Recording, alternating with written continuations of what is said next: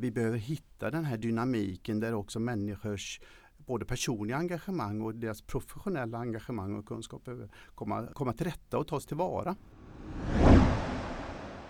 Du lyssnar på Chefspodden med mig Hanna Broberg och idag ska vi prata om chefs och ledarskap i idéburna organisationer.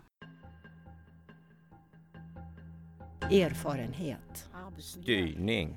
Administration. Lyhörd. Kompetens. Underskott. Tillgänglig. Kommunikation. Motgång. Förtroende. Ansvar. Coachande. Rättvis. Konflikt. Tillit. Arbetsmiljö. Ledarskap. Hej och välkommen till Chefspodden med mig Hanna Broberg. Chefspodden görs av Svensk Chefförening och eh, Akademikerförbundet SSR. Eh, idag så ska vi prata om idéburet chefskap och vår gäst är Martin Ernlöv som är generalsekreterare på Svenska Röda Korset. Välkommen Martin! Tack för det! Kul att du är här. Eh, eh, du är ju generalsekreterare för en av Sveriges största idéburna organisationer och det är också en världsomspännande utvecklings och biståndsorganisation. Röda Korset eh, tror jag alla känner till någonting om. Och du är ganska ny eh, på jobbet och kom bland annat från Bräcke diakoni tidigare där du har varit chef. Du får berätta lite grann för det började inte med idéburna, din chefsresa. Du har gjort annat tidigare också. Berätta! Ja, nej det, det börjar ju inte där. Nej, vad ska jag säga? Jag är en småstadskille, Allingsås. Eh, flyttade till Göteborg och pluggade på Handels, blev civilekonom, läste statskunskap lite extra. Eh, hade någon idé om att någon gång vara med och förändra världen men började som eh, i affärslivet. Eh, jobbat 15 år på eh, olika roller inom multinationella företag, SKF, Axel Nobel och, och ganska också höga chefsroller där.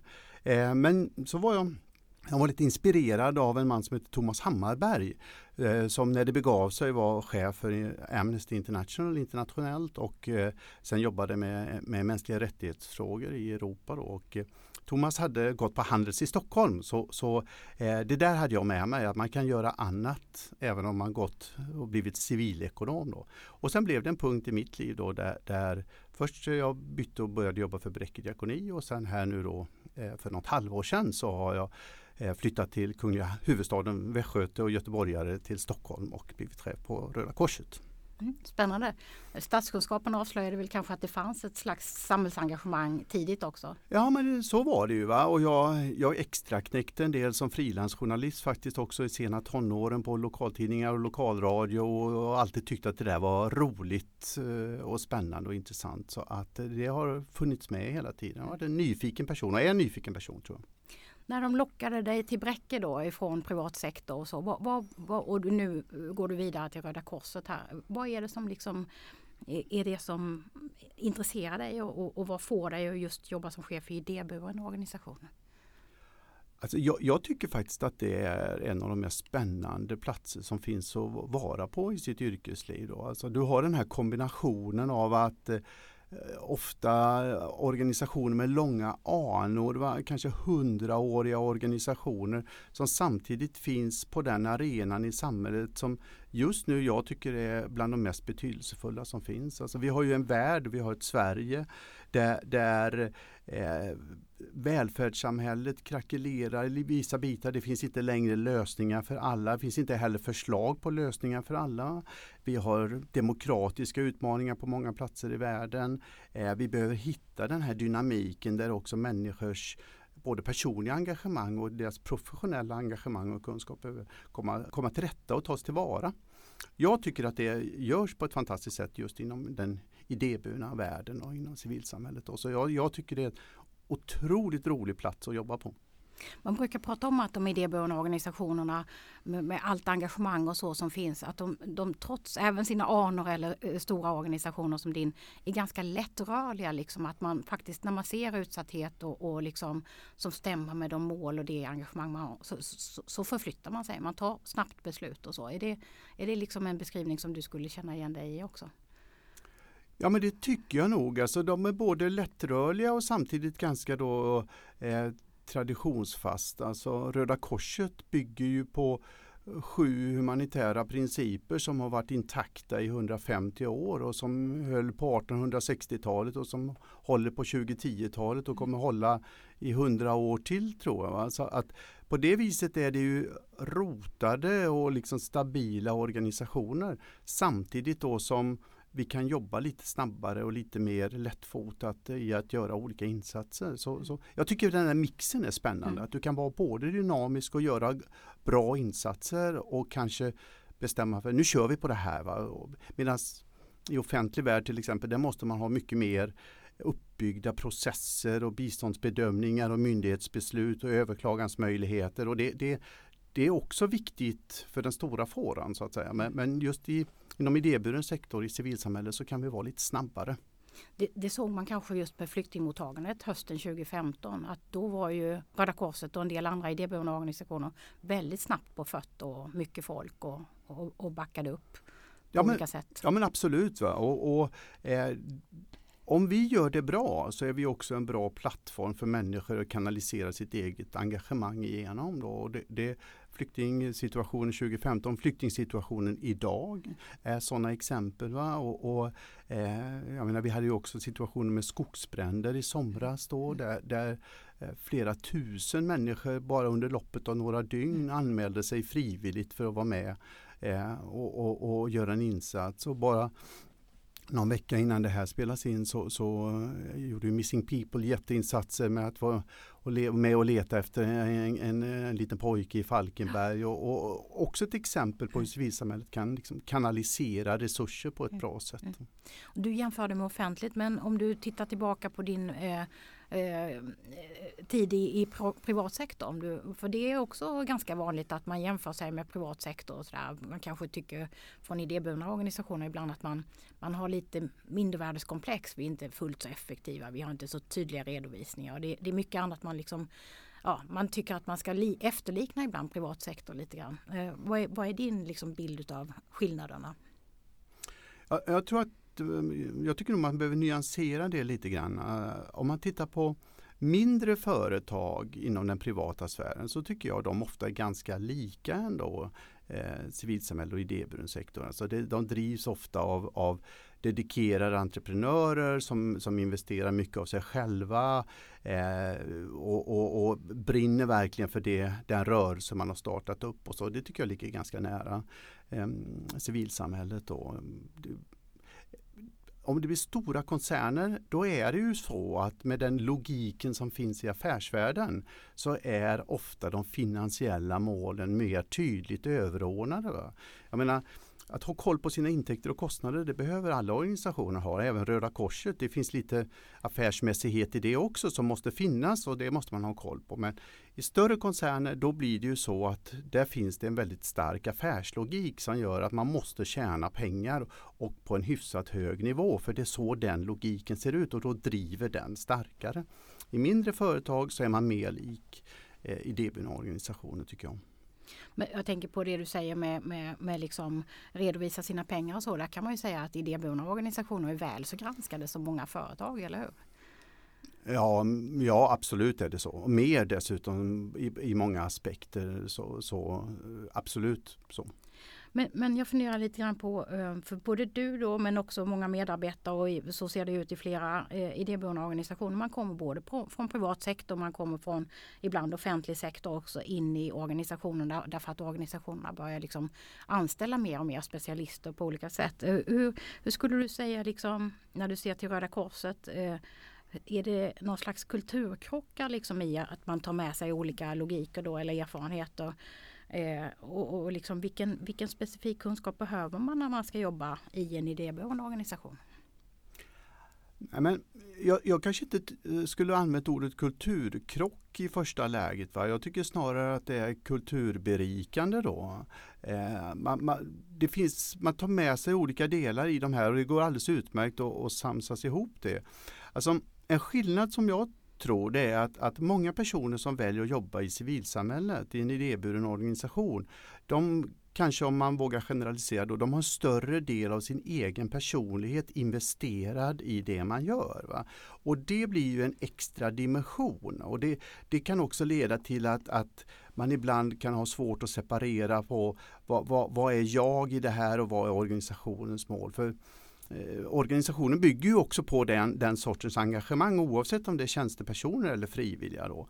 Eh, så det blir en extra dimension som man behöver vara varsam med och, och, och inse att den finns. Då. Men jag tycker generellt sett så tycker jag att det är mer berikande när folk kommer ifrån offentlig sektor in i, i idéburen eller från företagssektorn, näringslivssektorn in i idéburen. Det, det finns en uppväxling och ett mervärde av det snarare än ett problem tycker jag. Mm.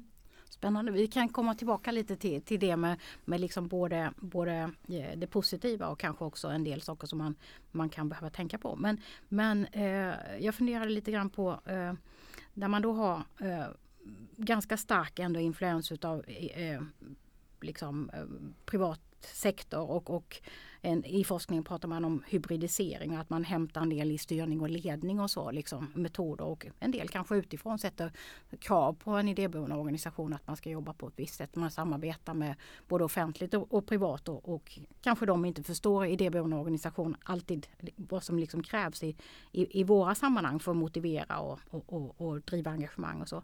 Vad, vad tänker du liksom du har ju båda de här perspektiven. Kan du liksom lite bättre sortera och hålla emot eller liksom vad som funkar och inte funkar i, i det idéburna sammanhanget tror du?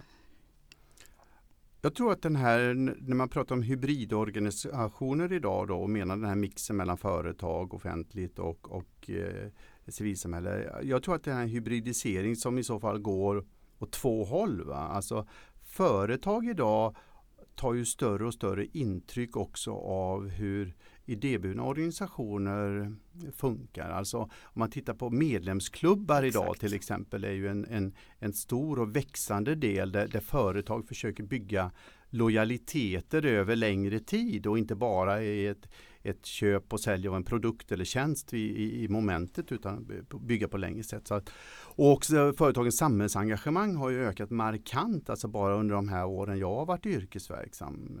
Jag menar för 15 år sedan handlade det kanske om att, att köpa en reklamplats på någon idrottsklubbs matchdräkter eller, eller någonting sådant och idag så väljer man ju aktivt partners ifrån företagssidan som, som man känner man vill förknippas med. Va? Eh, och, och det, det är ju också någonting som, som Röda Korset som organisation är noggrann med. Vi behöver också ha partners inom näringslivet. Så jag tror att den här hybridiseringen går åt båda håll. Va? Sen eh, det finns ju positiva delar som, som jag tror att civilsamhället behöver ta ifrån näringslivet. Man behöver vara lite konkretare i att sätta mål. Eh, prioritera mellan mål. Va? Alltså det är just som jag sa förut, om du är ett stort stort privat företag så är ju lönsamhet och finansiella målsättningar lite överordnat. Och det är det inte för en idéburen organisation. Det är den finansiella aspekten en av flera. Men det gör ju också att prioritera mellan uppdragen och målen man har, det blir ju ännu viktigare för, för en, en civilsamhällesorganisation. Va? Och då tror jag att där kan vi ta en del läro, lärdomar ifrån privata företagsvärlden. Då, att att helt enkelt driva på lite grann så att, att det händer det som man har bestämt som, som ska hända och att man också kan välja mellan i de målkonflikter som oundvikligen uppstår i alla organisationer. Så, så eh, jag ser inte det som ett problem. Jag hamnar ibland i, i animerade diskussioner med våra, våra eh, duktiga forskare inom det här som ju tycker ibland då att ja, men civilsamhället säljer sig eller civilsamhället gör sig till varumärkes eh, eh ambassadörer och, och, och, bara liksom tänker så. Men jag tycker inte att det huvudsakligen är ett problem faktiskt utan eh, vi mår bra av att ta in lite näringslivstänk liksom företagen mår bra av att ta in lite civilsamhällestänk. Spännande. Jag, jag tänkte du har två spår där som jag bara vill följa upp lite grann. Det, det här med att företagen pratar om medlemmar idag. Det, det, det, är ju jätteintressant. Men, och i värsta fall pratar ju idéburna organisationer om kunderna. De pratar om sina medlemmar. Och det, det, det gör ju någonting med... Jag, jag, vill ju inte vara kund i den organisation där jag har gått in med hela mitt engagemang och vill förändra världen. Mm. Och jag tror inte riktigt att jag känner mig som medlem på något av de stora företagen där jag handlar en sak på ett apotek eller en klädaffär eller så heller. Alltså det är ju väldigt olika logiker som man ändå får liksom fundera på vad det gör i kommunikation och, och sådär. Eh, tänker du att, att, att det är någonting, kommer det upp ibland liksom, ja, men vi ska prata om våra medlemmar i Röda Korset som, som och ha en starkare kundrelation och sådär? Nej, vi gör inte det just på Röda Korset. Men jag, jag, jag håller med dig om att språket är är en begränsande faktor. Va? Alltså att det, eh, den här risken finns och det är inte minst det som en del seniora forskare lyfter och, och trycker på. Men språket är också en begränsning i andra dimensioner. Jag tänker de personerna som vi jobbar med och för när vi utför humanitära insatser som frivilliga, som tjänstepersoner. Och, eh, de har vi också många gånger svårt att benämna på ett bra sätt. Mm. Offentliga Sverige pratar om brukare och, och nyttjare och, och, och så. Va? Eh, Medan idag så, så ska, ska du jobba på ett modernt sätt med värdighet bevarad så, så kan man inte ha ett sånt subjekt-objekt Eh, dimension heller och det finns heller inte riktigt bra ord, alltså när du, när du vill att personer ska vara med, aktiva medskapare i att skapa sin egen lösning. Ja, vad sätter du för epitet på det då? Det, det, inte gäster eller besökare heller, det är också lite passivt. Eller hur? Va? Ja. Så det, det, är ett annat exempel tycker jag då på där, där, där, eh, språket inte riktigt räcker till för att fånga alla de nyanser man vill ha fram. Va? Och Röda Korset har absolut inte kunder, det är glasklart. Ja, jag, jag, tänkte på det andra som du säger med, med Röda Korset som väljer sina partners när man gör eh, eh, samarbeten med företag och så. Ni är stora, ni är kända, ni är rädda om era, ert varumärke, lika rädda om det som, som ett stort företag är helt säkert eller, eller, eller mer. Eh, men jag tänker att flera andra mindre idéburna organisationer som, som också behöver nya resurser på olika sätt till sina ändamål och så eh, kan ju gå in i partnerskap. Jag vet att amerikansk forskning för några år sedan som jag tittade på eh, såg att företagen var ganska medvetna när de klev in i partnerskap om varför de vill göra det. De vill synas, de vill liksom förknippas med någonting bra och så vidare. Men att organisationerna är lite glada för pengarna och sen så har man inte så tydliga krav man skickar, skickar med liksom in i samarbetet. Det tycker du ser annorlunda ut idag generellt eller är det mer att du tycker att Röda Korset liksom har gjort en resa och är, är ganska medvetna? Röda Korset är, eh, det vågar jag påstå, vi är jätteduktiga på det här. Va? Vi, vi är otroligt eh, måna om vårt rykte och vår organisationsidentitet och vem vi, vi blir partners med. Eh, hur det är med mindre organisationer i det här sammanhanget eh, jag vågar nästan inte spekulera i det, men, men, kanske ändå en tanke då så tror jag kanske att det problemet där är inte så stort. Va? För att ett, ett företag vill ju hitta en känd identitet att förknippas med. Va? Och en liten organisation kanske eh, inte är den identiteten. Då, så då blir det mer ett akademiskt problem kanske på något sätt. Eh, för Röda Korset är det extremt viktigt. Va? Vårt varumärke är ju faktiskt heller inte till salu. Va? Det privata företags varumärken är ju faktiskt till salu. De, de, kan ju gå upp i något annat om det blir en affärstransaktion. Men, men Röda Korset är inte till salu. Så då blir det ännu viktigare för oss. Det är spännande. Jag vet fotbollslag som ju har varit köpta av företag som plötsligt byter namn för företaget byter namn och sådär. Det blir, det blir lite spännande i tabellerna helt enkelt. Eh, ja just det, det kan det vara dessutom. Ja, ja. Ja, jag, jag funderade lite grann på hur du tänker om ditt eget ledarskap då när du liksom arbetar i en organisation med då det är blandat både som du säger tjänstepersoner, eh, specialister som, som är anställda och sen har ni väldigt många ideella som liksom drivs av sitt engagemang och som det gäller att liksom motivera på olika sätt. Eh, hur, hur jobbar du och tänker du eh, när det är så olika förutsättningar? Liksom lön och oavlönat och tid, mycket tid och lite tid och sådär. Jag, jag, tror att det är ju det som är själva essensen att vara i vår typ av organisation och, och antingen så gillar man det, vilket jag gör då, va? eller också så har man nog väldigt svårt för det. Um, det är klart att det är stor skillnad om du går till ett avlönat arbete som är din försörjning eller om du bidrar med ett antal timmar eh, för att du har, har Eh, lust med det. Då. Och det finns, eh, det finns en, en logik runt frivilligheten kring att det här gör jag för att jag vill och jag har lust och, och eh, det känns meningsfullt för mig och jag känner att jag bidrar. Och den är viktig att den får vara stark. Då. Sen finns det också en, en frivillighet kring var tjänstepersonerna väljer att jobba någonstans va, som också är viktig. Alltså att en, Ehm, man kan ju vara frivillig och bidra till att ha ett språkcafé eller en cykelskola eller stå i en second hand-butik. Ehm, men man kan också vara frivillig att jobba som driven internationell folkrättsjurist för Röda Korset istället för att jobba på en advokatbyrå. Så det är ju också ett val som man gör. Va? Och jag tror att, att det är viktigt i en organisation som våran och andra civilsamhällsorganisationer att man ser och bekräftar det. Att, att det här är individer som satsar någon dimension extra i att vara i just den här organisationen. Eh, och det får man vara lite eh, varsam med och ha respekt för det och för att också kunna då få full utväxling på det. Ibland kan man ju ändå, för, för en del utav eh, eh de som engagerar sig ideellt och, och, och har ett stort engagemang skulle kanske vilja vara anställda i organisationer. Det gäller kanske i andra typer av organisationer där, där det inte krävs liksom, riktigt samma specialistkunskaper som, som ni ofta har i, i era eh, tjänster. Att, att det liksom ändå finns en slags eh, längtan efter att bli anställd eller liksom en liten avund på att vissa får lägga hela, sitt, eh, liksom, hela sin arbetsvecka också på det här fantastiska uppdraget.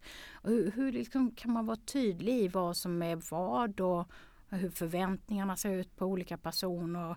Eh, krävs det liksom som anställd att man ställer upp eh, lite extra mycket så att säga och bjuder till och sådär för att liksom möta de ideella och sådär. Alltså det, det, finns ju lite av spänning ibland i, i, den här, eh, i de här rollerna. Ja, det var ju en bra fråga. Alltså jag, tror, jag tror man behöver, eh, förstås behöver man vara tydlig med vilken roll är vilken roll. Va? Vad, vad, vad bygger den på och så. Eh, sen är man i, i, en organisation som Röda Korset så är det klart att, att Eh, ja, om jag tar mitt eget jobb, jag, jag, måste ju ha respekt för att många frivilliga kan träffa mig i olika sammanhang på en lördag va? och då får jag ibland träffa dem på en lördag också förstås. Då. Eh, samtidigt som jag är en person och, och andra som är eh, tjänstepersoner hos oss är också personer som lever fulla liv. Så man får hitta en mix där helt enkelt. Jag, eh, jag tycker inte det är så besvärligt. Man får, man får vara lite flexibel helt enkelt. Du, du, var inne på när du pratade om ibland fördelarna med, med privat sektor, om, om, de tydliga målen och så. Att, eh, och jag vill koppla tillbaka till det lite grann. Det här med att de många viljorna som finns när man går in i en organisation och vill förändra världen och så eh, kan ju vara liksom svårt då att, att eh, ja, stråla samman till liksom och, och, och, fokusera mot de, de viktiga målen. Alltså i alla fall det här året jobbar vi med det här eller de här närmaste åren är det det här vi jobbar med.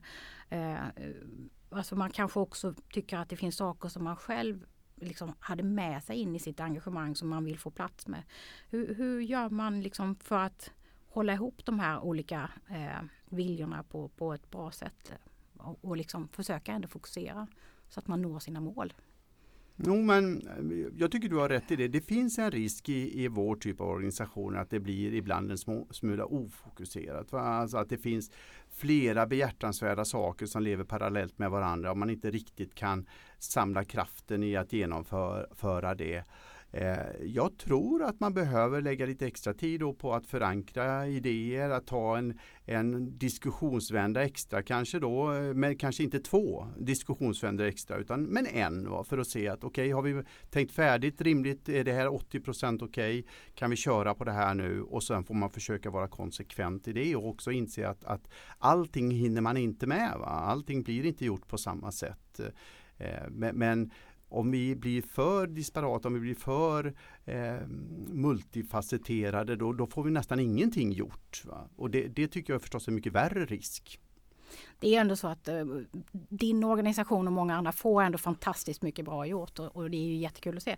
Jag tänkte eh, något lite eh, liksom en avigsida på engagemanget är ju ibland också att folk, folk vill väldigt mycket. Man tycker kanske inte, inte att man når tillräckligt bra resultat och man kanske också får en del konflikter om man liksom inte kommer överens om, om, om målen och sådär. Eh, om du liksom funderar kring vad du tror kring ja, att idéburen sektor tyvärr har liksom lite för mycket av, av det här både i, i, i styrelser och, och i, i bland medarbetare. Svenska kyrkan har tyvärr jättestora problem med, med arbetsmiljön. Vad, vad, kan man göra åt det och hur, vad är din reflektion kring det här? Tänker du specifikt på arbetsmiljö och, och sådana och, och, och konflikter som just är lite större i, i idéburna organisationer? Eh, Jag vet inte om jag köper den bilden helt och hållet. Alltså att, eh, om, man, om, man tittar på, om man tittar på Röda Korset då, så, så eh, ja, vi, vi har lite högre sjukskrivningstal än vad man har på ett IT-konsultföretag eller en, en advokatbyrå. Men vi har väsentligt lägre sjukskrivningstal än eh, om jag tittar tillbaka på mina tidigare jobb inom vården till exempel, vård och omsorg, har mycket, mycket, mycket högre sjukskrivningar än vad, än vad, vad Röda Korset har. Va? Så att lite grann så lite tycker jag att det är en myt att, att, att, att det är så fokuserat och att det är så eh, splittrat. För det, det är det inte. Eh, och det är ju inte heller så att eh, näringslivet är konfliktfritt. Va? Det finns ju idéer som får stryka på foten och folk som tycker att man skulle gjort andra prioriteringar och som blir jättebesvikna över det där också. Eh, men, men den här, jag nämnde tidigt i, i, i vårt samtal här att eh, kanske är folk som väljer att jobba för eller engagera sig i en, en civilsamhällesorganisation och investera lite extra av sig själva i sin person. Va? Alltså man brinner för det här, för naturen eller för miljörörelsen eller för politiken eller för en viss eh, brukargrupp inom funktionsnedsättningsrörelsen till exempel. Så, va? och, och, på samma sätt är det absolut i Röda Korset och då, då får man försöka se till att, att det framförallt blir en positiv kraft. Va? Och då måste man ha respekt för att, att man kanske behöver prata en vända till. Men, men, man får inte fastna i problematiken för då kommer liksom inte organisationen eller vi som personer vidare i det. Så, så de, de, här laddningarna som kan bli, de kan bli i företag också men man kanske hanterar de konflikterna. De är kanske inte lika farliga för det, det står inte liksom personligen på samma sätt på spel. Eh, Nej, och i större företag så är ändå eh, den finansiella målbilden överordnad på något vis. Och, och, det är inte riktigt på samma sätt i ett samhälle eller i, ett, i en civilsamhällsorganisation då, att den finansiella målbilden är överordnad. Utan då, då är det de andra uppdragen som är, som är viktigast. Jag tror att du har ganska mycket gemensamt med många av de chefsmedlemmar som finns i det här förbundet i, i kommunerna, kommuncheferna. Eh, att du, nu har de fått eh, nya styrelser eh, här i och med valet och du får en ny styrelse när ni har era årsstämmor. Eh, hur ser du på samarbetet och rollfördelning just med förtroendevalda och, och dig som chef och, och dina medarbetare? Jämfört med en kommun menar du? Ja, men mer hur du ser på det i Röda Korset. Kanske tycker jag ändå då att Röda Korset faktiskt då är mer likt en företagsvärld än, än en eh, politiskt styrd värld. Va? Alltså, eh, vi byter ju styrelser i Röda Korset och styrelsemedlemmar men över tiden har ju de samma målsättning. Alltså, vi byter ju inte mål med organisationen bara för att vi byter styrelse. Och politiken och politiskt styrda verksamheter har ju hela tiden den dimensionen med. Att det kan komma in ett nytt gäng som vill någonting helt annat än det vi just har ägnat de senaste två åren åt. Va? Och det förekommer inte på det sättet i, i, i Röda Korset utan där har vi ju strategier som ligger och vi tittar på över längre tid. Och, och så. så jag, jag tycker nog styrelserelationen eh, är mer lik företagsvärlden. Eh, och, och, då betyder det också att, att jag som högste tjänsteperson då behöver förhålla mig till styrelsen med den respekt och med den insikten att det är styrelsen som har det yttersta ansvaret och det är samma för en VD i ett börsföretag. Att det är styrelsen som, som ska vara de kloka sista reflekterande utposterna samtidigt som, som jag behöver driva på processer inom Röda Korset för att påverka hur jag tycker att organisationen bör utvecklas och, och, jobba med min styrelse på det viset och de får jobba med mig på det sättet och mitt ledningsteam också. Och då ditt ledningsteam och, och, och, och att driva på sådär, då får du berätta lite grann. Vad, vad skulle du själv beskriva din ledarstil? Eh, vad, vad är det för? Jag som chef? Vad är du som för chef? Jag tror att jag är att jag präglas lite grann av att jag är en, en nyfiken person. Alltså jag är en ganska energisk eh, människa. Jag tycker det är roligt att förstå både helheten och detaljerna. Jag vill gärna Ehm, se den stora bilden. Vart är det vi ska? Eh, jag tycker om att lyssna på folk, höra deras åsikter oavsett egentligen om de är frivilliga ute i en kommunkrets eller om de är kommunikationsspecialister eller folkrättsjurister eller vad det är. så. Ehm, och jag tror kanske då att om man är om man är högste chef eller är hög chef i en, i en idéburen organisation så tror jag det är viktigt att försöka förstå eh, vad är det vad är det för roll, vad är det för berättelse som den här organisationen har en del i? Och då behöver man kunna förstå både detaljerna och helheten. Ibland, ibland så har jag, jag har läst ibland eh, om, om eh, jag tror tv-serieproduktioner har någonting som de kallar för concept directors. Alltså där, där eh, du vet de här tv-serierna som jobbar med parallella manusskrivarteam och, och, och, olika regissörer för att hålla tempo. Så är det ändå någon som är concept director som säger att den här karaktären skulle aldrig sagt på det viset. Eller det här är jätteviktigt att vi lyfter fram det för det är det som bär den här delen av berättelsen.